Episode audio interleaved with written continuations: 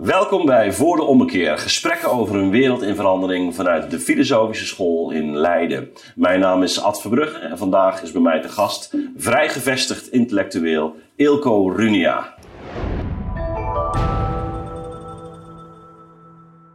Dag Ilko. Er horen wel aanhalingstekens bij, hè, bij vrij gevestigd intellectueel. Je hoorde aanhalingstekens. Nee, die horen erbij. Nou, ik vond eigenlijk wel die aankondiging wel zo bijzonder dat ik dacht dat ik hem even eruit wilde lichten. Want eh, het is niet voor niets, deze aanduiding van jouw huidige maatschappelijke status. Ja, Je hebt eh, volgens mij nu alweer twee jaar geleden eh, de universiteit eh vaarwel gezegd. ja, Ehm, we hebben ook in dit programma een gesprek gehad naar aanleiding van een, ehm, een stevige mag ik zeggen, publicatie in NRC Handelsblad. Eh, waarin je je beslissing toelichtte. En je meldde toen al dat je bezig was met eh, de voorbereiding van een boek. Dat is in 2019 eh, verschenen, Ja. voorjaar. ja. Onder de titel Genadezesjes over de moderne universiteit. Met daarop ook een soort McDonald's-achtige logo.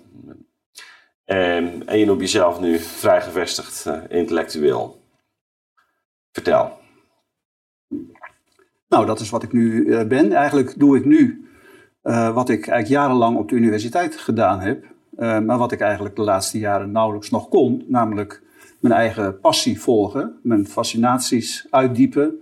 Daarover schrijven. Daarover, daarover publiceren. Daarover lezingen geven. Het is een soort leven wat bepaald wordt door de vragen die je jezelf stelt. En die dan natuurlijk wel gerelateerd zijn aan een bepaald vak.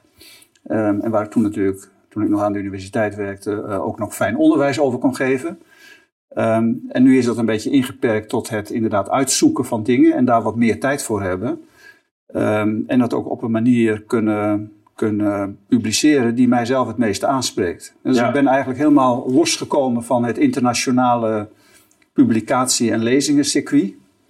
Um, en ben tegenwoordig een, laten we zeggen, Nederlands essayist. In plaats van een, nou ja, zoals je dat tegenwoordig natuurlijk moet zijn, internationaal wetenschapper. Ja, ik heb je boek uh, gelezen. Ik was ook benieuwd naar wat je te melden had. Het is duidelijk ook uh, de vrucht van uh, zowel studie, waarin je verdiept hebt in nou ja, toch de, de ontwikkeling van die universiteit.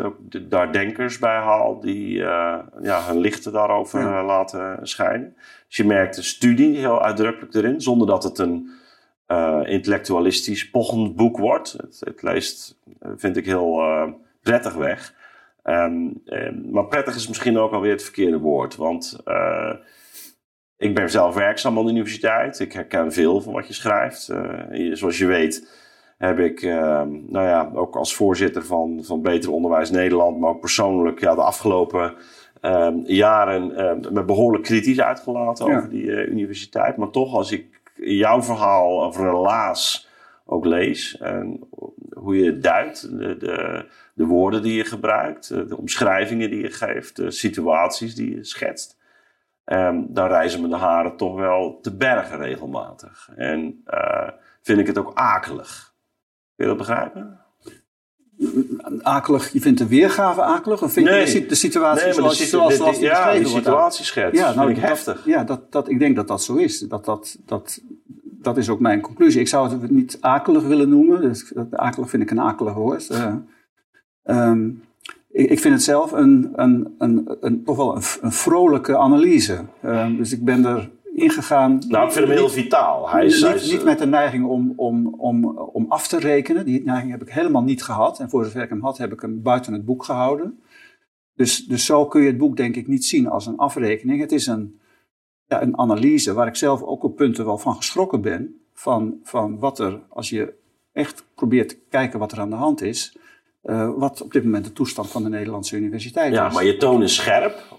Uh, ik zou zeggen, um, op bepaalde punten ook echt onbarmhartig. Mhm. Mm -hmm. uh, dat is overigens geen kritiek, laat dat helder zijn. Maar dat, dat, dat ligt enigszins toe waarom ik die ervaring van akelig mm. uh, had. Omdat die, ja, je snijdt ook wel in je eigen vlees. Ja. regelmatig. Het is, ook, En het is, het is, ook, je- het is je- zelfonderzoek ook. Ja, je, je pleit jezelf ook niet vrij of zo. Ja. Het is, maar je zet wel iets, iets neer en je analyseert het. Hè, want het is, niet, eh, het is geen het bureau of zo hè, van eh Nee. eh, Vo- Voskuil. Maar het, het- ja, je, je analyseert echt wel, gevoed door die eigen ervaring, wat er, eh, Ja. wat er in jouw ogen Ja. eigenlijk de afgelopen pak een beetje 20, 30 jaar is, is, is gebeurd. Ja, ja. En als je nu zelf, eh, naar aanleiding, we zijn, je bent, we zijn inmiddels weer een klein, eh, eh, nou, hal- een ruim een half jaar verder na publicatie van, van dit boek.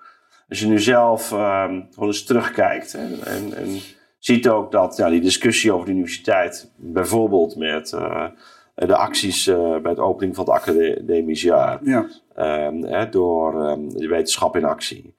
Eh, dat, dat die discussie, die, die, die is inmiddels wel behoorlijk vlot getrokken. Dat we zien dat ook rond die, ja, die ontwikkeling van verengelsing en internationalisering en die massa-universiteit. Maar als je daar zo eens op reflecteert vanuit jouw boek, wat, wat, wat zou je dan willen zeggen? Nou, ik denk, er is, er is discussie, ehm, maar die spitst zich toe op twee dingen, denk ik. Ehm, En dat zijn wat mij betreft niet de meest belangrijke dingen. Ehm, dat zijn die verengelsing Mhm. en dat is de werkdruk van de docenten. hè. Die WO in actie eh, Ja. eh, eh, beweging die gaat eigenlijk uitsluitend over de werkdruk van, van docenten. En heeft ook als, eigenlijk als enige actiepunt dat er geld bij moet. Hè. Dat Ja. is het, inmiddels het roemruchte miljard van, van Engelshoven. En ik denk dat dat toch niet helemaal gelukkig is. Ik, ik, ik, ik vind dat er geld bij moet. Dat, er, dat, dat wat dat betreft de universiteit eh, zwaar achtergebleven is. Eh, dat, dat, dat, dat, dat we, we zeg ik nu, maar ik bedoel ze, want ik hoor er niet meer bij. Maar dat, dat de financiering totaal geen gelijke tred gehouden heeft met, met Nee. de omvang van de studentenpopulatie. Dus Dat laat wordt dat- inmiddels ook dat- toegegeven door de, de commissie van Rijn. dus laat dat duidelijk Ja. zijn dat dat, dat, dat, Ja. Eh, dat dat aandacht behoeft. Dat er gewoon flink meer geld bij moet. Ik denk trouwens Ja. dat 1 miljard dan nog buitengewoon karig is. Als je dat allemaal onder, als je dat opsplitst naar universiteiten en dan vervolgens over faculteiten en vervolgens over afdelingen, dan denk ik dat dat nauwelijks so- soelaas biedt. Maar ik vind dat toch niet het hoofdprobleem. Eh, Ik noem ook in het boek op een gegeven moment de universiteit een, een bulimische organisatie. Hè, Bulimisch in de zin van je kunt erin stoppen wat je wil aan geld, maar het blijft toch een soort onvoldaan gevoel geven. Eh, en dat komt omdat er structureel een aantal dingen helemaal uit het lood hangen. Eh, en die heb ik in het boek geprobeerd te analyseren. Dus ik vind het he- eigenlijk heel jammer dat die discussie zoals we die nu hebben. Hè, ik vind het geweldig wat WO in actie gedaan heeft, maar ik vind het ook eigenlijk te beperkt voor wat er eigenlijk gaande is. Dat Ja. is veel breder dan alleen geld. Sterker nog, het zou heel goed kunnen dat die roep om geld eigenlijk afleidt van waar het werkelijk, naar mijn gevoel, over zou moeten gaan. Ja. Bijvoorbeeld, Nee, ik ik ben ik helemaal met je eens. Hè. Ook waar het gaat om dat eh, debat over verengelsing. eh, ja, wat mij betreft eh, hoort dat in een veel eh wijdse perspectief. Hè. Ik bedoel, ik kaart het zelf natuurlijk persoonlijk ook aan. Maar wel vanuit de achtergrond. Dat heeft iets te maken met een algehele transformatie van die, van die universiteit. Nou, die. Die transformatie die beschrijf jij. Ehm, Ja. de, de, eigenlijk de opkomst van wat dan ook wel nieuw public management eh, is gaan eh, heten. nou, Eh, waar de overheid overigens ook eh, volop de hand in heeft gehad. uiteraard. Ja. Ehm, aan het einde doe je nog wel een, een, een oproep ook aan de, aan de, de heren politici. Ook, ook toch om, om ja, deze ontwikkeling eh, te doorbreken. Maar als je nu ehm, zo rond een aantal centrale thema's eh, de, je, je bevindingen zou moeten presenteren. Hè, wat, wat zou je er dan uit willen lichten op dit moment?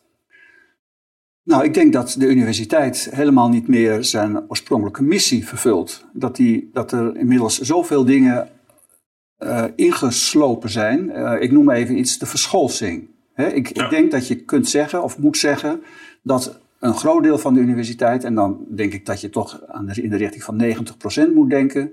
Voor 90% is de universiteit een, een hogere beroepsopleiding geworden. Niet meer een academie. Een hogere beroepsopleiding in de zin van dat het onderwijs verregaand verscholst is. Ja, Ehm, dat van de, de vaardigheden die je vroeger geacht werd te leren als academicus eigenlijk nauwelijks nog iets eh, terechtkomt. Ehm, dat het onderwijs helemaal in hapklare brokken eh, aan de studenten wordt opgediend. En vervolgens ook, of dat hoort er natuurlijk onlosmakelijk bij, door de docenten als zodanig moet worden ges- uitgeserveerd. dus dat het hele idee van academie, dat dat zwaar onder druk is komen te staan. Zodanig dat het alleen nog maar in de marges van wat er, van wat er gaande is tot zijn recht kan komen. Dus ik denk dat, ehm, dat we opnieuw, dat is natuurlijk periodiek gebeurd, maar opnieuw, in de 19e eeuw is dat ook gebeurd en dat is ook in de jaren 60 gebeurd, opnieuw goed zouden moeten doordenken als samenleving van wat is dat nou voor fenomeen universiteit? wat, wat, wat, willen we daarmee? Voldoet het aan, aan, aan, aan de eisen die we eraan zouden willen stellen? En hoe zouden we het kunnen veranderen? Het, het interessante is ook wanneer je jouw uh, boek leest, is hoe je ja, duidelijk maakt uh, hoezeer uh, ja, de, de, de rot, zou ik bijna zeggen. Dat is misschien iets te heftig. Maar toch in, in de universitaire cultuur zelf geslopen is. Hè? Dus je, Um, je schetst ook eigenlijk een, een, een, zowel de, de, positie van um, de docenten, hoe zij omgaan met uh, de manieren waarop uh, ja, onderwijsplannen worden gepresenteerd en geïmplementeerd. dat, er, dat ze voor een deel ehm, gedisciplineerd zijn, om met Foucault te spreken. Een soort ja. jargon zichzelf ook al eigen hebben gemaakt. Ja. voor een ander deel een gelatenheid, maar ook, ook hoe studenten zelf uh, in deze fabriek eigenlijk zich nou, redelijk goed voelen. Helemaal dat, dat, dat gemis niet ervaren. Hoe, hoe, hoe, jij bent eruit gebroken, maar hoe verklaar je zeg maar, die toch stagnatie in, in, in, ja, in binnen die cultuur? Dat er kennelijk niet een, een, een, een kracht is waarin men opstaat. Ja, nou dat is het, het hoofdonderwerp van, van een hoofdstuk wat ik per se wilde schrijven, namelijk de brief aan de bedrijfsarts. Ja. ja. In die brief aan de bedrijfsarts uh, leg ik zogenaamd aan de bedrijfsarts uit hoe het komt dat juist universitaire docenten, of mensen in ieder geval die aan de universiteit werken, in, in, dan in, de, in de wetenschap, zo, ongelooflijk dociel zijn. Je zou verwachten dat is een buitengewoon mondige groep. Die ja, kritische goed, academici. Goed kan nadenken, die het goed kan formuleren, die goed in actie kan komen, die, die, zich, die, die ervoor zorgt dat ze gehoord wordt.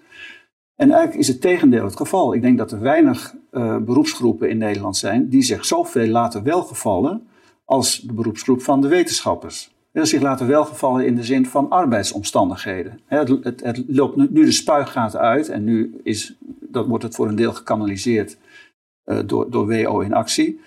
Maar als je ziet wat wetenschappers zich allemaal laten welgevallen, ik heb dat om me heen gezien en ik heb, ben, er in zekere zin zelf ook in geparticipeerd en heb mezelf ook een hoop laten welgevallen.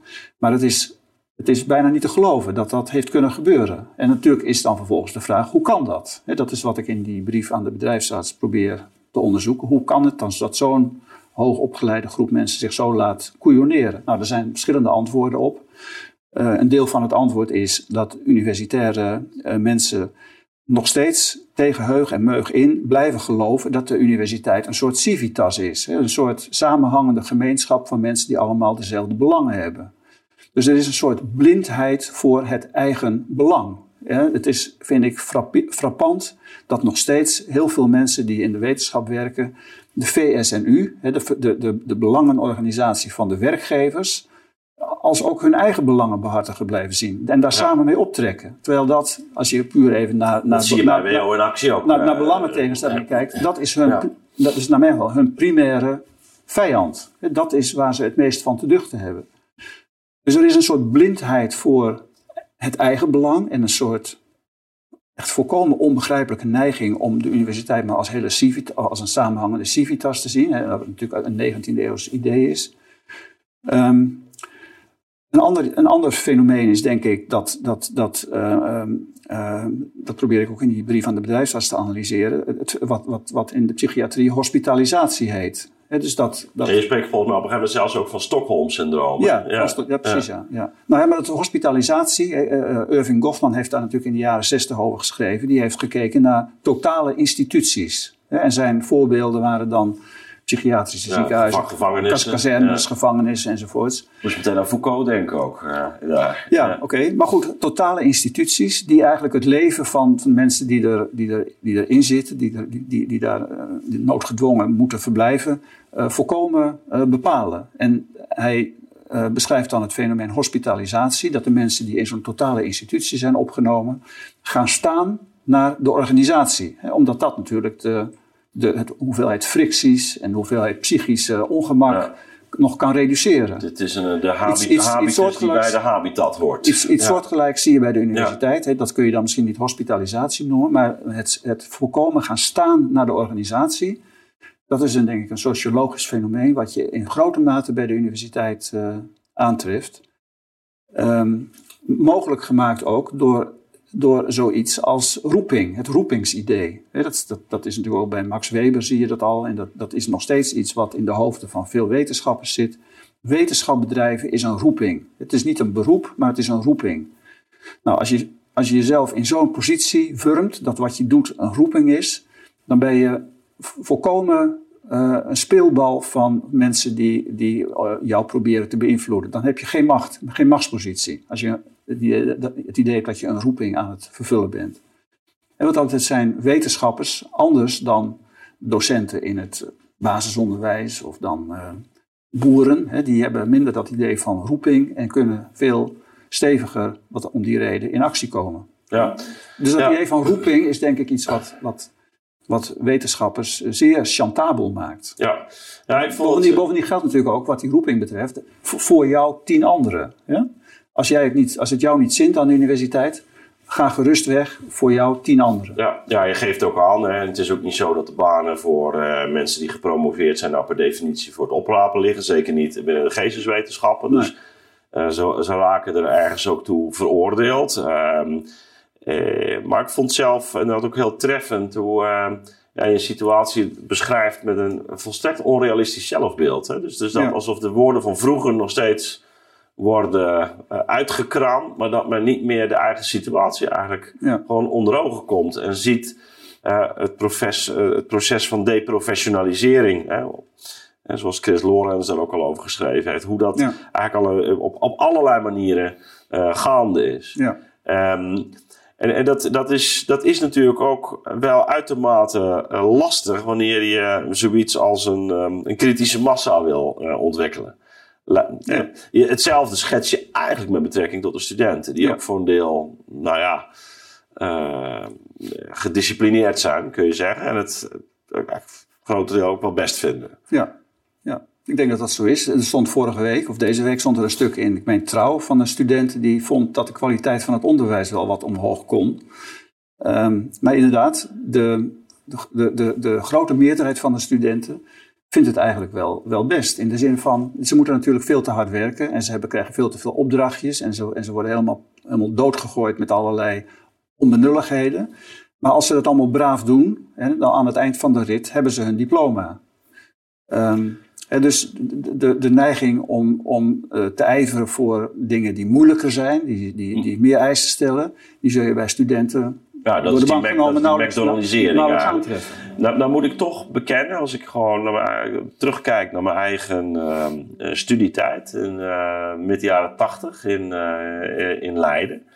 En ik zet dat zo af te- tegen wat, nou ja, ik vervolgens zelf in Leiden ben gaan doen in de, in de jaren negentig toen ik als docent werd aangesteld. Of wat ik zag in het, nou, pak een beetje het begin van het nieuwe millennium dat ik wel eerlijkheidshalve moet zeggen, nou, die, die opleiding is wel echt wel beter.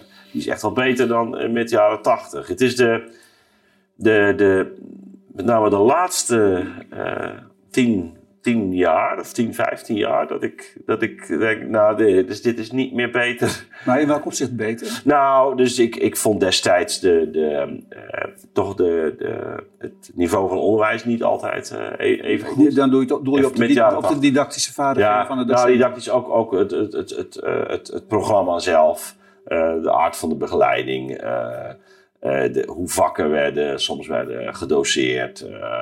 Hmm. Ja, nee, niet, niet, niet altijd een, eh, een, een, een goede structuur. Hmm. Maar even, even hè, nogmaals, dus ik denk ook niet dat je generiek kunt zeggen, alles is vanaf de jaren 60 alleen maar slechter geworden. Maar ik denk dat we nu wel in een situa- situatie zitten waar, waar ik wel verdacht veel herken van wat je nu schetst. Dus het, het, het hap klaarmaken, het Ja, beheersbaar bij dat hap maken. klaarmaken hoort, hoort ook, ik weet niet of, je dat, of dat een fenomeen is wat jij uit jouw opleiding kent, maar het voortdurend maar groter worden van het basiscurriculum.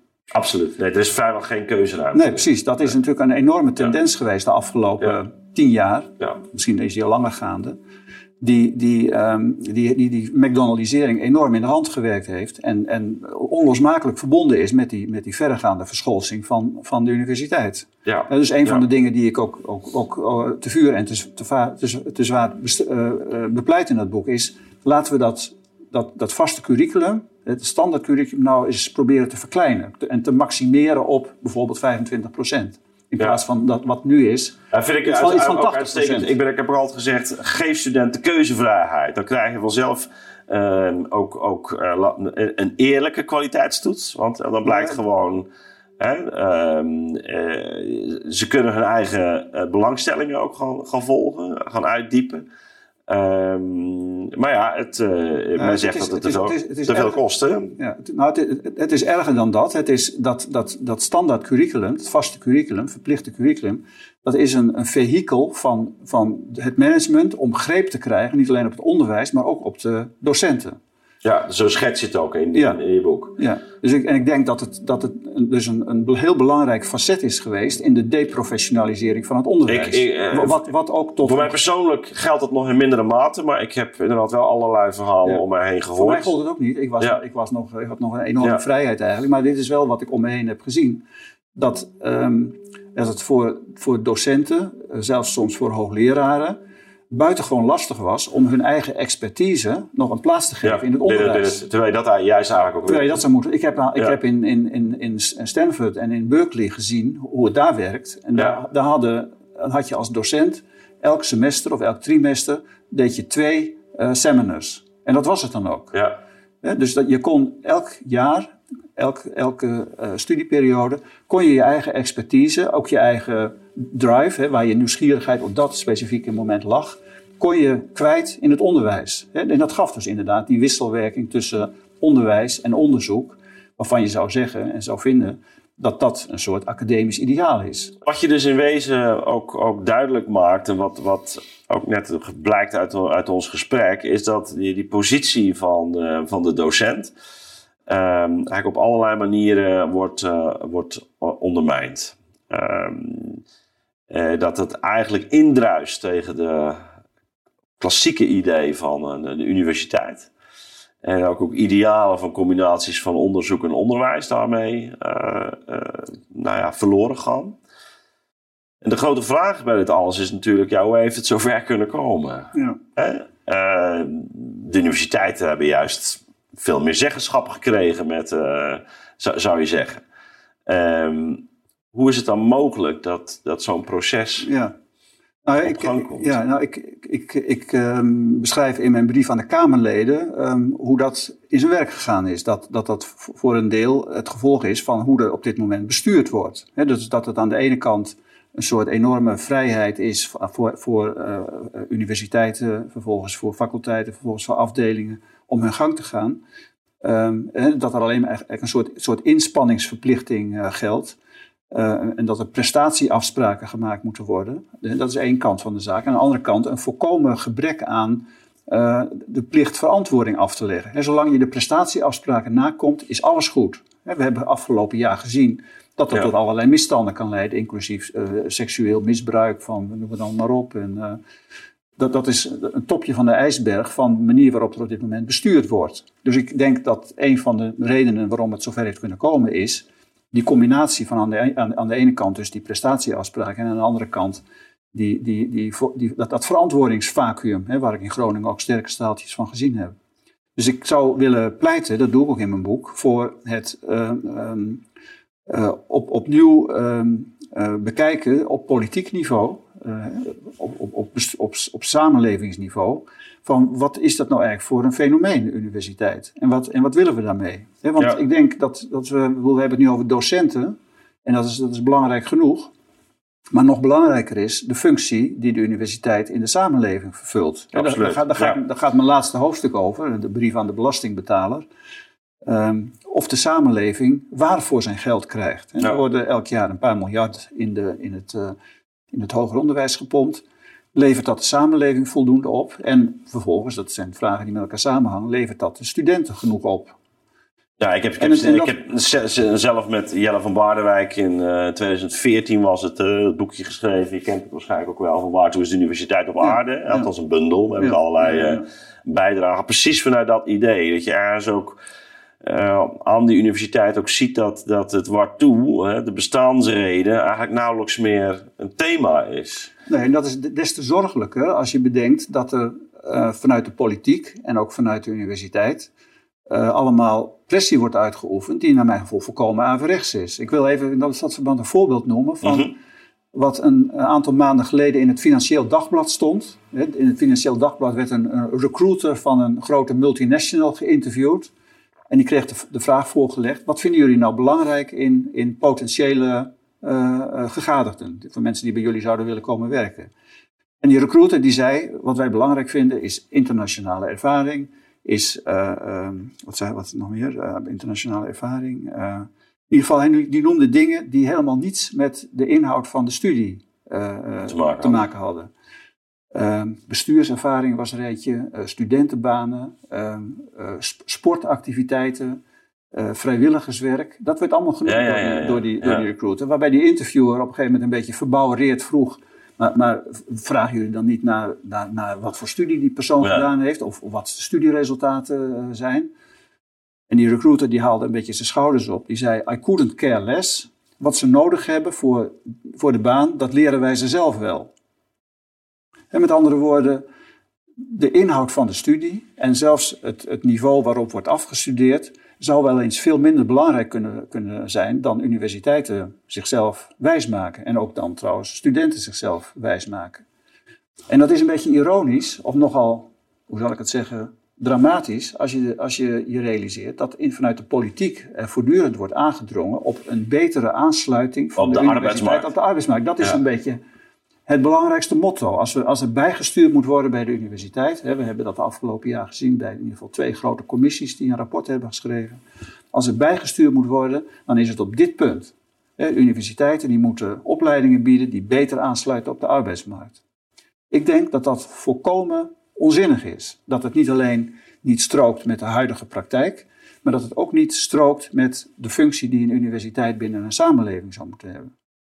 En daar gaat mijn laatste hoofdstuk natuurlijk over. Over het hele fenomeen van employability. Ja. Dus dat, dat, dat voor veel werkgevers um, het voltooid hebben van een universitaire studie een employability signaal is. Hè, zoals sociologen. Ja, ja, dus, dus, het, dus daarmee toon je aan als afgestudeerde dat je over voldoende intelligentie, over voldoende plichtsbesef en over voldoende conformisme beschikt om een, een, een gedweeën en goede uh, werknemer te zijn. Ja. Ja, dus, dus dat blijkt ook uit onderzoek dat, dat iets van, van, van 80% van de, uh, van de waarde van een academicus en van het feit dat hij als academicus meer gaat verdienen dan, als, dan een niet-academicus, iets van 80% daarvan kun je toeschrijven puur aan het employability ik, ik, ik, wist eerlijk gezegd ook niet goed wat ik nou van dat hoofdstuk moest vinden.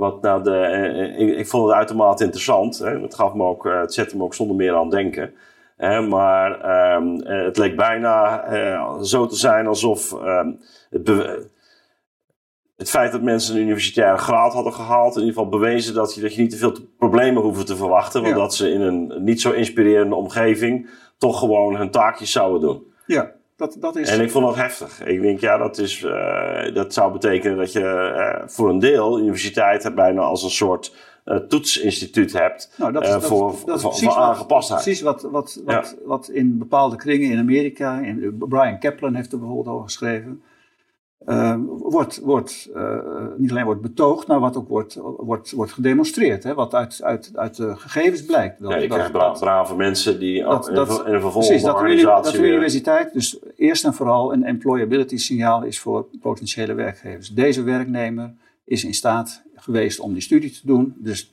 daar kun je, uh, daar kun je, of, je kunt erop vertrouwen dat dat een, een, een, een, een capabele, docile uh, uh, employé zal zijn. ja, waarbij het dus inderdaad helemaal niet om gaat wat iemand nou daadwerkelijk gestudeerd nee, heeft. Precies. Want dat wordt on the job bijgebracht. Ja. Je, je, je, eerste brief, van het, het, je boek is opgebouwd uit uh, zevental, uh, acht. acht, achttal uh, brieven.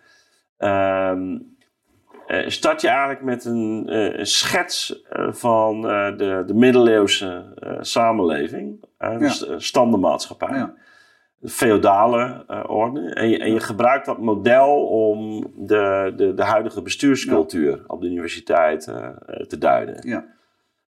Um, dat, doorgaans zien we een terugkeer naar de middeleeuwen niet per se als een compliment. Daar, daar proefde ik toch wel wat venijn.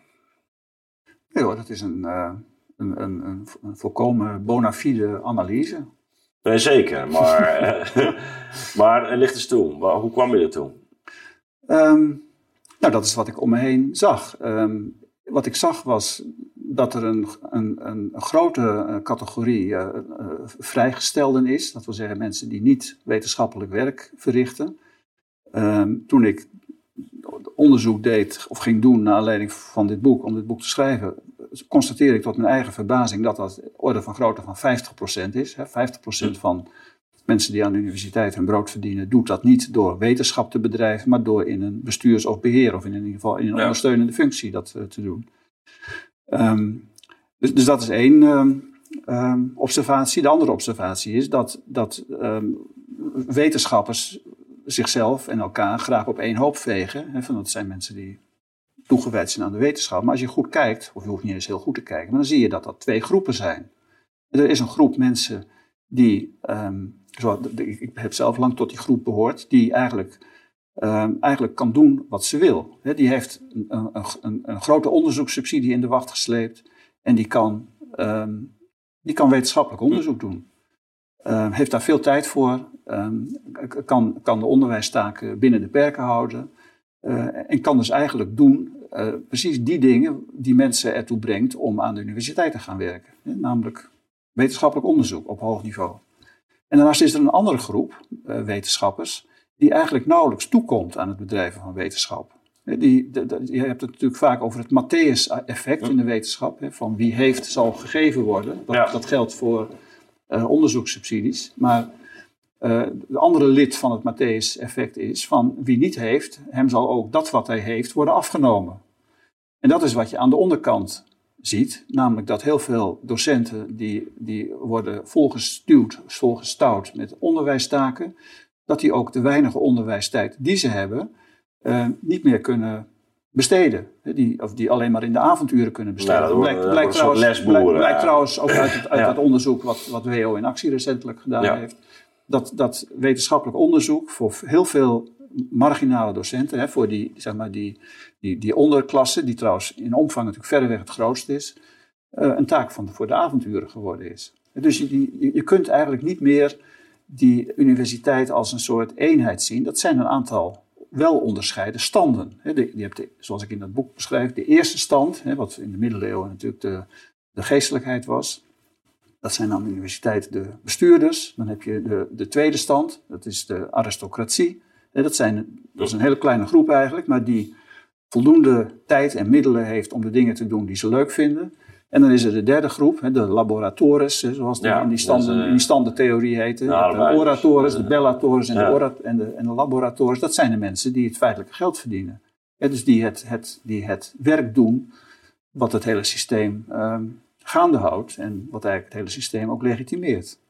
Dus ik, ik denk dat, dat je door dat zo in, die, in dat framework van die standaardmaatschappij te gieten, dat je eigenlijk een heel helder beeld krijgt van wat feitelijk, reëel, uh, de toestand is aan de Nederlandse universiteit. Niet alleen aan de Nederlandse, maar ook aan de, aan de, aan de Engelse. Daar gaat het helemaal niet om. Ja. Dat, dus dat het, niet dus een, het is niet een, een, een polemisch instrument. Het is een, een, een, een analysebevinding, de ja. standaardmaatschappij. Ja, je, je ziet dus een, een eigenlijk een hele uh, sterke, uh, dwangmatige of een, een, dwingende structuur, zo moet ik het eigenlijk ook zeggen. Hè, ja. waarin uh, degene die aan, aan, het hoofd staan ook de mogelijkheid hebben om de, de werkers zogezegd, uh, de, de richting op te dirigeren uh, die zij in gedachten hebben. Hè, dat schetsten we zo, zo even al.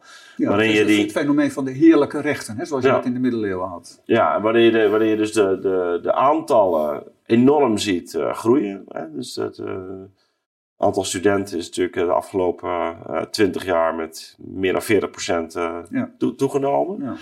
Um, wat ook die, die toegenomen werkdruk voor een aanzienlijk deel uh, verklaart. Uh, administratieve lasten. Um, nou ja, daar, daar, daar komt een, een, een beeld in tevoorschijn waarin, uh, laten we zeggen, de, de, de, de, de vrije wetenschap het eigenlijk moet afleggen tegen het systeem. Ja. ja dat is een. Ja. hoe zie jij nou de mogelijkheid van een. Nou, misschien twee dingen. Is het nou overal zo erg? Ik heb soms de, de indruk, als je kijkt naar technische universiteiten, dat daar de situatie toch gunstiger is. Ja. Ik weet niet hoe jouw perceptie Mijn indruk ook. Ja. Dat in het, nou niet alleen de technische universiteiten, er zijn natuurlijk ook hele sectoren van de, zeg maar de reguliere universiteiten waar het, waar het beter gaat. Hè. Uh, in, de, in de sfeer van de artificial intelligence en, dus in die, in die regionen is veel meer nog die, die, die onderzoeksdrive, de, de, de, de, mogelijkheid om daar ook uh, uh, gevolg aan te geven, die eigenlijk binnen de uh, de geesteswetenschappen nauwelijks nog bestaat in Nederland. Ja. Dus, dus er zijn grote verschillen, dat is zonder meer waar. Ik heb ook uitdrukkelijk dit boekje vanuit mijn, eigen, nee, zeker, ja, vanuit mijn eigen perspectief geschreven. Dit is wat ik zie. En het zijn tendensen, dat is me inmiddels wel duidelijk geworden, die, die universiteitsbreed ehm, ehm, gelden, maar die niet overal in dezelfde mate gelden. Ja, het systeem deed mij heel erg denken aan wat bij Friedrich Georg Jünger over de perfectie van de techniek wordt gezegd. Ik weet niet of je die studie kent. Um, hij spreekt over de, uh, de verloestwirtschaft. Dus een, eigenlijk een, een structuur uh, binnen een technocratische omgeving waarin altijd sprake is van armoede. Hmm. En de armoede eigenlijk uh, alleen maar verder toeneemt. Ja. En, en, en, en daarmee ook in toenemende mate ook roofbouw wordt, wordt gepleegd. Ja. En dat is inderdaad een, een, ja, een dynamiek die je eigenlijk ook in jouw uh, analyse eigenlijk heel sterk tegenkomt. En daarom zeg je, ja, geld alleen is ook helemaal niet de oplossing. Nee. Want het, nee. het, het, het, deze... is, het, is, trouwens ook helemaal niet zo, die indruk wil ik echt met kracht uh, bestrijden, dat ik een soort terugkeer bepleit naar hoe het vroeger was. Hè? Want ik ben het helemaal met je eens. Vroeger was het, deugde er ook van alles niet. Zeker, zeker aan het onderwijs niet. En ook in, in, veel, in veel opzichten aan het onderzoek niet ik, mijn boek is vooral een pleidooi om, om werkelijk onder ogen te zien wat in wat voor situatie we beland zijn.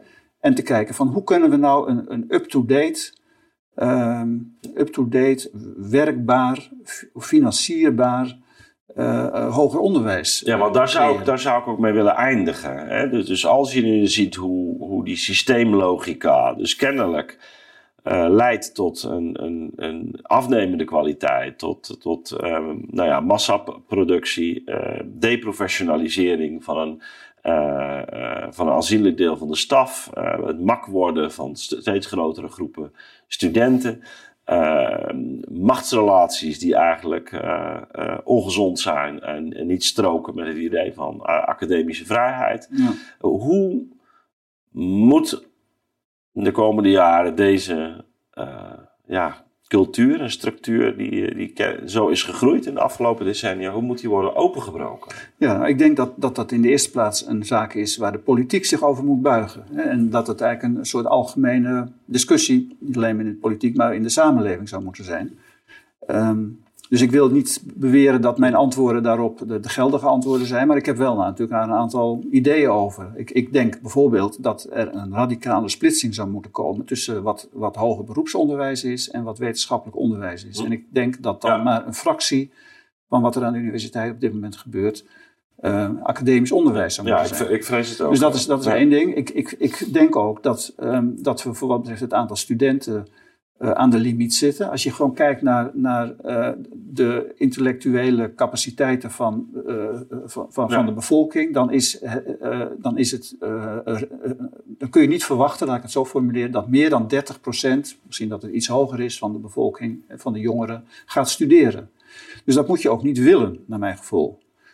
Um, dus je moet ja, je, moet niet, je, moet niet, je moet niet een soort groeinorm, zelfs niet een soort uh, stabiliteitsnorm ja. willen hebben. Van we willen elk jaar meer studenten. Ja, je moet zelfs niet dat willen, is ook waanzin. Hè? Je moet zelfs niet willen dat het elk jaar hetzelfde nee. de hoeveelheid is. Het mag gerust minder zijn. Mag ook krimpen. Ja. Mag ook krimpen. Ik, ik geef dus, ook dus dat, altijd dus dat, dus dat voorbeeld. Hè? Uh, Princeton heeft geloof ik 7.500 ja eh, studenten. Dat is, Ja. een, dat is een, eh, vierde van, Ja, eh, dat is, dat is van wat eh, de UvA heeft. Ja, ja. En dat geldt voor al die universiteiten. Ja. Stanford ook is iets Ja. van 13, 13.000. Ja. eh, het is allemaal- Ja, Stanford is nog redelijk groot, maar je hebt, Ja. helemaal, je hebt helemaal gelijk. Ik heb- ben daar zelf geweest. Dat vond ik frappant dat die universiteiten allemaal beduidend kleiner Veel. En, en, en, en, waren. halen vaak aan Amerika. Maar, Natuurlijk nog, en dan vooral is Ja. het, dus het verschil tussen, tussen docent-student ratio spectaculair. En toen ik in, in, in Stanford zat, was de student-docent ratio daar 1 op 3.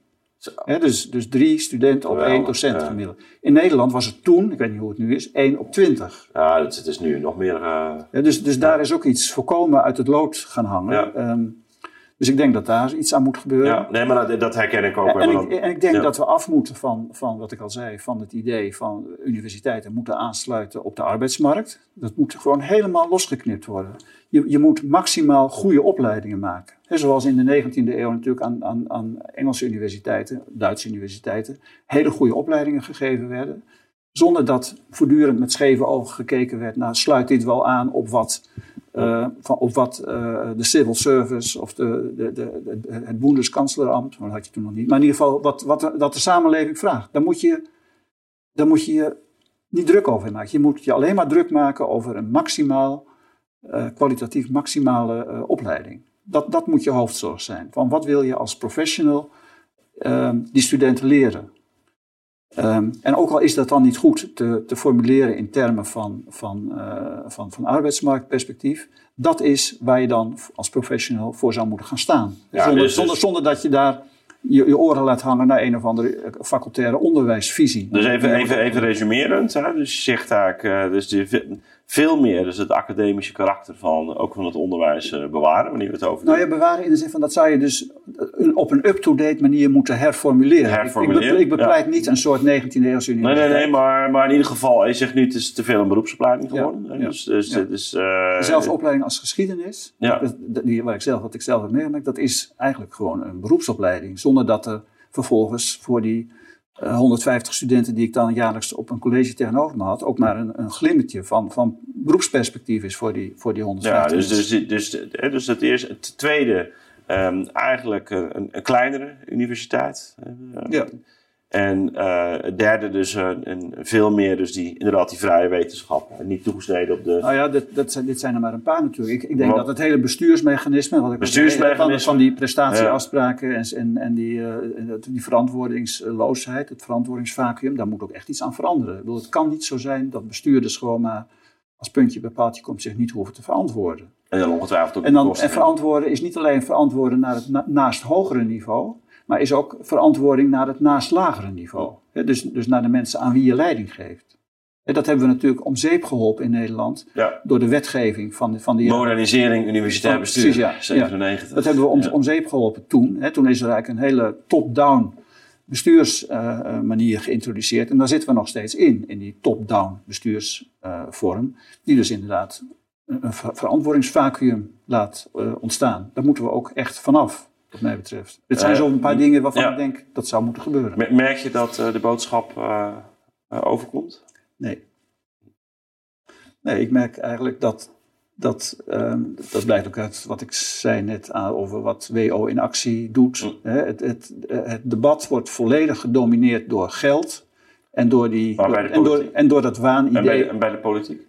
Ik, ik meen, ik weet het niet precies, maar in ieder geval, ik constateer dat dat waanidee van ja. eh, de universiteit moet beter aansluiten op de arbeidsmarkt. Bij alle politieke partijen, ook bij de linkse politieke partijen, nog heel dominant aanwezig is. En dat hele verheffingsideaal, wat natuurlijk een heel lang buitengewoon belangrijk geweest is, in van, vanaf de jaren 60 tot, tot, tot het eind van, van de vorige eeuw, dat is niet meer van toepassing. Daar moeten Nou, we echt vanaf. We moeten linkse partijen ook vanaf. Ja, ik eh, hoop in ieder geval dat ze wellicht deze uitzending zien, eh, sommige politici, en dat ze het een eh, aanleiding vinden om dit eh, eh, genadeloze boek, eh, wat dat betreft, tot zich eh, te nemen. Want eh, het is wel belangrijk dat mensen er kennis van nemen. Het is niet alleen genadeloos, het is ook, er zit ook wel een soort humor in. Oh nee, soort- zeker. Nee, nee, maar maak je geen zorgen. Het is eh, zeker, zeker. Maar eh, je, je noemt de dingen wel bij hun naam. Dat is Ja. ja. Hé, hey, dankjewel voor het gesprek.